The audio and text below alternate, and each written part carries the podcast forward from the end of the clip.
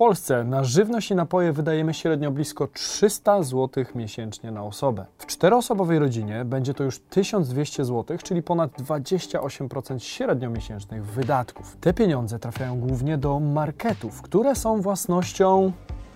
No właśnie, kto karmi Polaków? Zapraszam.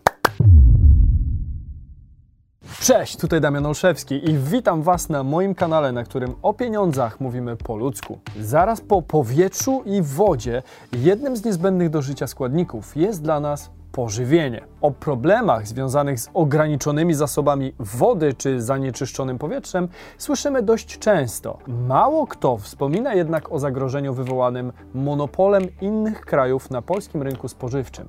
A to przecież spory fragment gospodarki. Polacy w 2019 roku zostawili ponad 150 miliardów złotych w 10 najpopularniejszych sieciach handlowych. Bezkonkurencyjnym liderem najchętniej odwiedzanych przez Polaków marketów jest Biedronka.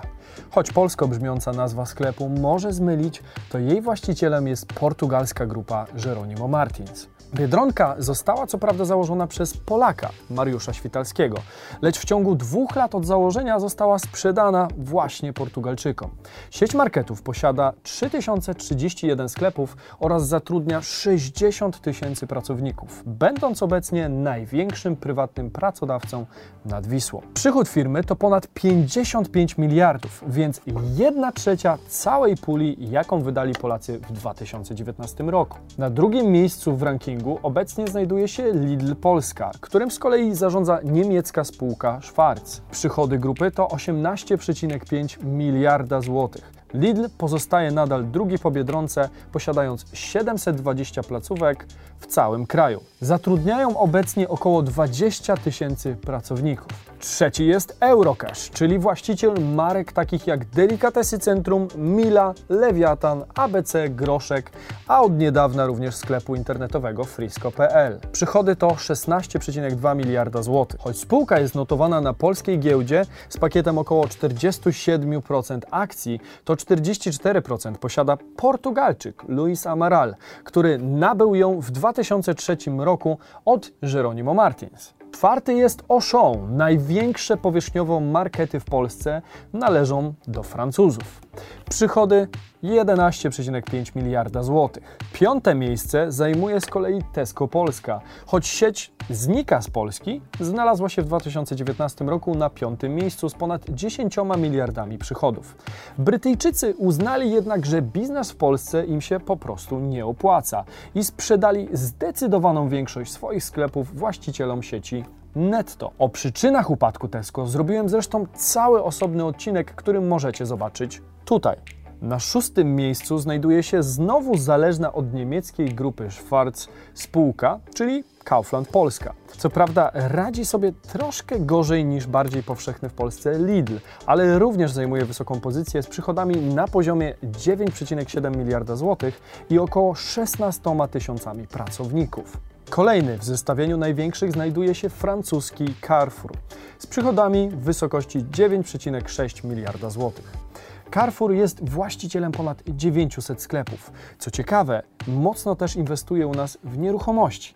Należy do nich w tej chwili już 20 centrów handlowych. Ósme miejsce zajął niemiecki Rossmann, który rzecz jasna bardziej niż w jedzeniu specjalizuje się w sprzedaży kosmetyków, ale też można u nich kupić produkty żywnościowe. Mogą pochwalić się wynikiem około 1400 placówek na terenie całej Polski oraz przychodami w wysokości 8,79 miliarda złotych. Następna na naszej liście jest popularna Żabka, której sieć franczyzobiorców sięga już 4,5 tysiąca lokalnych punktów, a cała marka należy od 2000 2017 roku do amerykańskiego funduszu CVC. Co ciekawe, pierwotnym twórcą Żabki w 1998 roku był nie kto inny jak Mariusz Świtalski, założyciel Biedronki.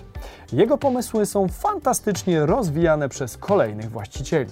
Żabka to również polsko brzmiąca nazwa, która została po przejęciu interesu. Jedyną siecią, która znajduje się w rękach polskiego właściciela jest zamykające zestawienie Dino, która posiada 1250 sklepów na terenie Polski i prawie 8 miliardów przychodów. Zatem wiecie już, co do kogo należy. Pytanie, co z tego wynika? Cóż, dwa główne wnioski, z którymi chciałbym dziś Was pozostawić, są następujące. Po pierwsze, kontrolę nad tym, co jemy, mają głównie zagraniczne koncerny. Czy to może mieć wpływ na jakość produktów, które trafiają na nasz rynek? Kiedyś na pewno miało, jak zresztą parę ładnych lat temu przyznali włodarze Tesco. Ta poobijana i przejrzała pomarańcza jest przeznaczona dla klienta z Polski. Ta ładna i kształtna dla tego z Wielkiej Brytanii. Takie zasady obowiązują w wielkich sieciach handlowych, a przyznał się do tego dyrektor brytyjskiego Tesco. W wielu przypadkach wysyłamy produkty pierwszej jakości do marketów w Wielkiej Brytanii, a produkty drugiej jakości do sklepów w środkowej i wschodniej Europie. Jeżeli ktokolwiek z Was podróżował za granicę, to sam mógł zaobserwować różnice asortymentowe w poszczególnych sieciach. Czy nadal karmi się nas produktem drugiego sortu? Ocencie sami. Jedno jest natomiast pewne: jakość jedzenia wpływa bezpośrednio na zdrowie każdego z nas. Trzeba więc przyznać, że oddanie kontroli nad nią sąsiadującym państwom wydaje się dość ryzykownym posunięciem. Po drugie, podatki zwykle trafiają do macierzystych krajów. Zatem zdecydowana większość podatków wynikających ze 150 miliardów złotych wydanych przez nas w tych sklepach powędrowała budować szkoły i ulice w innych państwach. Zagraniczne spółki wykorzystują przeróżne metody na to, aby wyprowadzać kapitał do centrali, ale o tym zrobię niebawem cały nowy odcinek. Tymczasem dajcie znać, czy ten odcinek był dla Was wartościowy i subskrybujcie kanał po więcej finansowych treści. Do zobaczenia jak zwykle w niedzielę o 12. Cześć!